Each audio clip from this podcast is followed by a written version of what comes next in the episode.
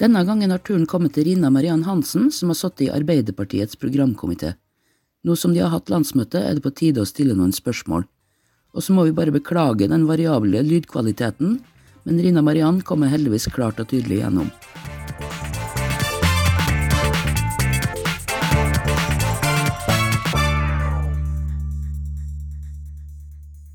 Velkommen til LO i Oslo-podden, Rina Mariann Hansen. Tusen takk for det. Gleder meg veldig. Det er bra. Landsmøtet vel overstått for Arbeiderpartiet òg? Ja, eh, ja, vel overstått. Det er jo, jeg må jo si at det er veldig slitsomt å ha et sånt møte digitalt, rett og slett. Men eh, vi er klar og er klar for valgkamp. Du var jo en av de fem representantene for partiet som fikk snakke om arbeidsprogrammet sitt på Politisk pub i desember. Da var programmene under arbeid, og nå som dere har hatt landsmøte, så tenkte vi å høre hvor dere har landa på noen viktige saker. LO i Oslo har jo nærmere 30 spørsmål som vi kommer til å sende ut til alle partiene i mai. Men det hadde blitt en veldig lang podkastepisode. Så vi har plukka ut tre spørsmål hvor vi er innom arbeidsliv, klima og miljø og internasjonal solidaritet. Litt eh, spredning i temaet. Og så har du fått et frikort, mulighet til å snakke om ei valgfri sak fra programmet etterpå. Er du klar for spørsmål? Jeg er superklar for spørsmål. Muligheten til å definere arbeid som midlertidig har laga en gråsone i regelverket som bemanningsbransjen utnytter fullt ut. F.eks. så er bygningsarbeidere ofte leid inn gjennom bemanningsforetak, og altfor ofte på irregulært vis. Det er kanskje verst i Oslo-området. Vil Arbeiderpartiet forby bemanningsbransjen i første omgang i Oslo-området? Eh, vi har jo skrevet i partiprogrammet vårt, som ikke er Det, det handler selvfølgelig om litt mer enn bare Oslo-området, Oslo eh, måten å skrive partiprogram på. Eh, men vi har jo eh, omtalt hele problemstillinga her. Eh, både om arbeidslivskriminalitet generelt, men også det at vi ønsker å begrense innleie. Og så er det eh, så har vi ikke skrevet noe konkret om å forby. Men vi har jo skrevet at vi ser på ulike virkemidler også for å begrense innleie. Eh, Bl.a. veldig tydelig på at det kun skal tillates ved rene vikariater.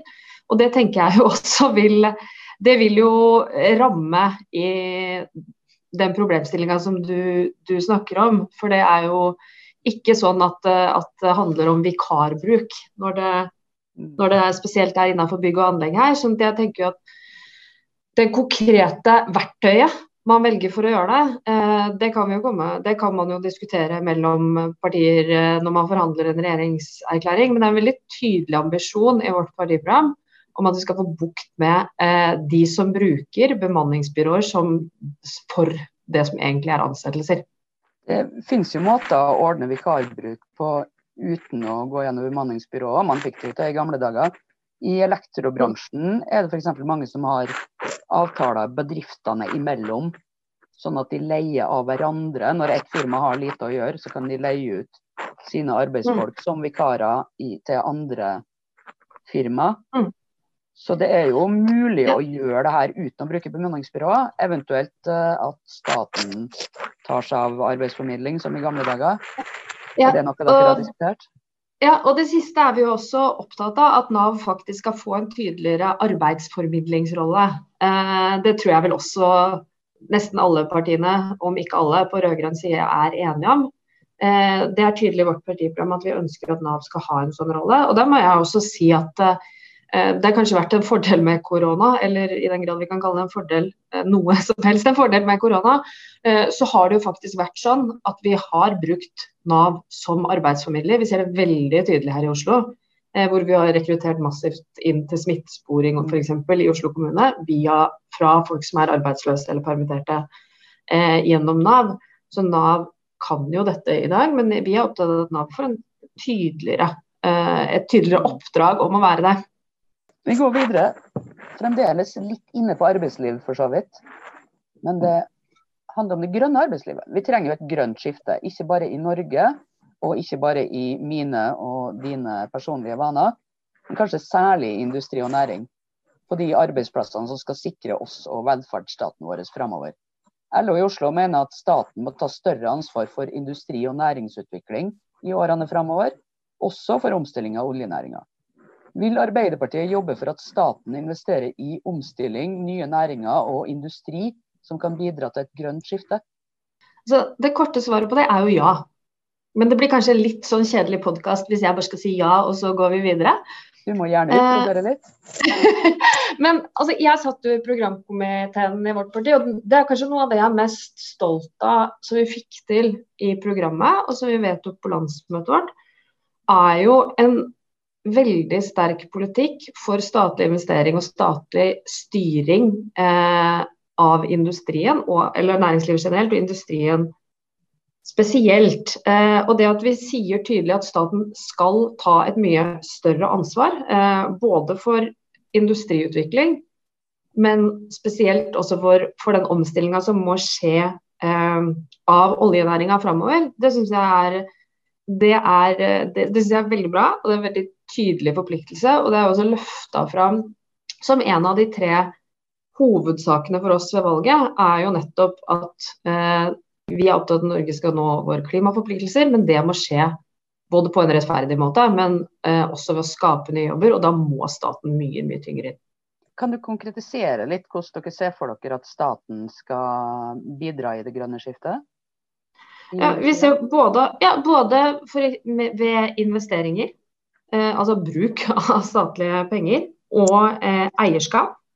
Vi mener et, Jeg antar at veldig mange er, er opptatt av eh, anlegget for karbon, karbonfangst og -lagring på Klemetsrud her i Oslo, som vi jo veit at er eh, både viktig eh, klimamessig, men også for å, for å, skape nye arbeidsplasser i Oslo. Eh, og vi er jo tydelige på at vi ønsker det, at vi skal få på plass det. Vi ser for oss en, eh, for en um, tydeligere statlig rolle inn mot uh, å lage hydrogen, både nettverk og en hel hydrogenindustri uh, i Norge.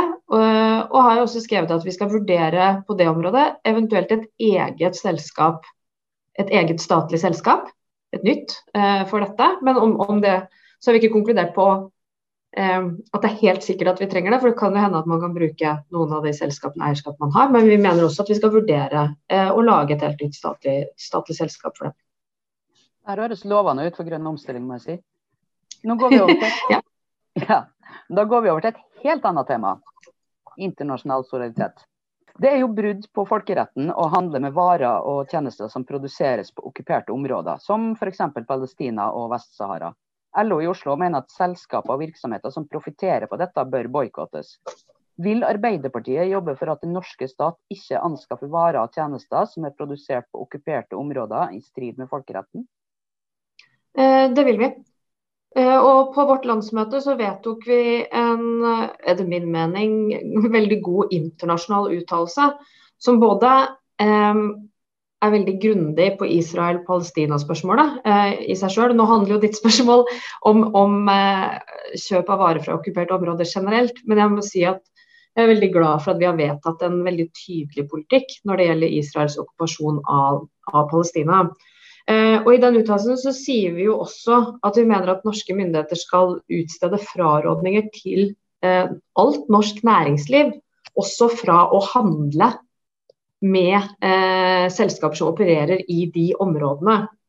Eh, så er jeg opptatt Vi gjorde jo ganske mye i eh, forrige gang vi satt i regjering sammen, de eh, rød-grønne partiene. Både med å trekke oljefondet, eh, som, eh, eller at oljefondet svartelista to selskaper som var aktivt involvert i bosetting på okkupert land. Eh, at man fikk inn folkerettsbrudd og brudd på etiske retningslinjer for bruk av oljefondet. Så jeg er jo opptatt av at vi må jo jobbe breiere også, det er jeg helt sikker på at LO i Oslo også mener, eh, enn, bare, bare, hva det offentlige han, eh, kjøper inn sjøl. Så vi er også opptatt av at staten tar en rolle overfor private selskaper på å fraråde dem aktivitet i de områdene. At vi fortsetter å bruke oljefondet som et viktig eh, verktøy her. Altså det, Norge gjør jo enorme investeringer gjennom oljefondet. Um, sånn at vi har jo mange verktøy også på det området. Det høres veldig bra ut. Så ble du jo også lova et uh, frikort. Er det en spesiell sak fra det ferske programmet til Arbeiderpartiet du har lyst til å trekke fram, eller en annen sak du har lyst til å prate om? Altså, har, eh, noe av det viktigste for oss er selvfølgelig hele eh, felt, arbeidsfeltet og arbeidslivsfeltet.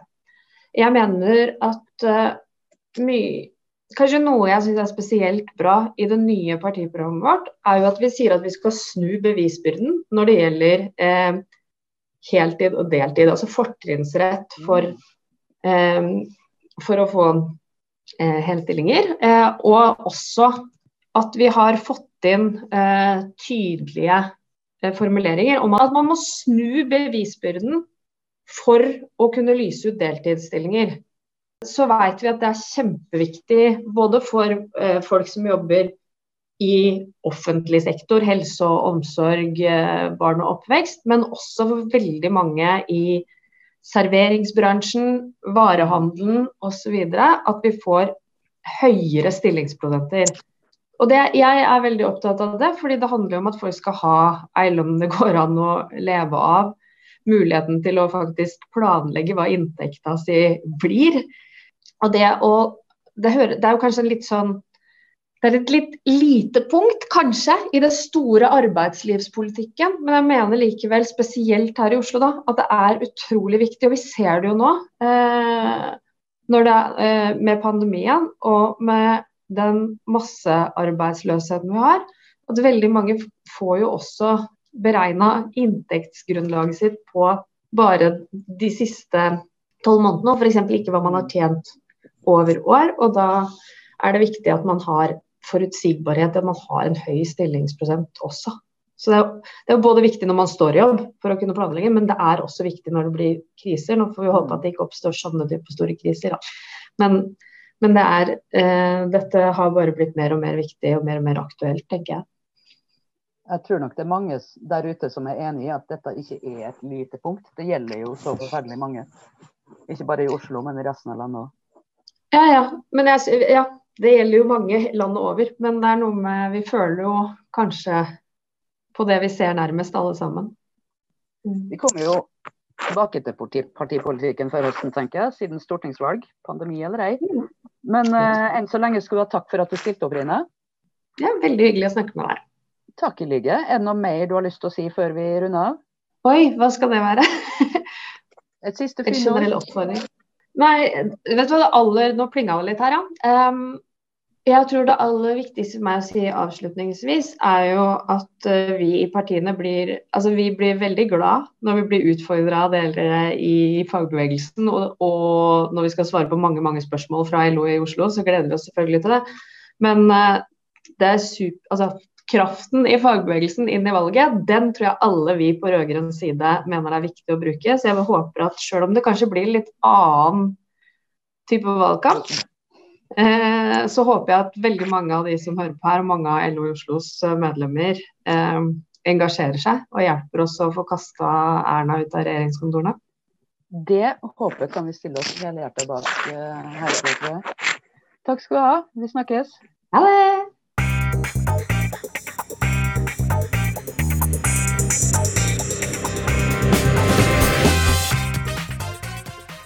Neste parti ut er SV, som hadde landsmøte like etter Arbeiderpartiet. Vi håper å få tatt en prat med Kjersti Bergstø, men før det blir det politisk lunsj. Vi høres!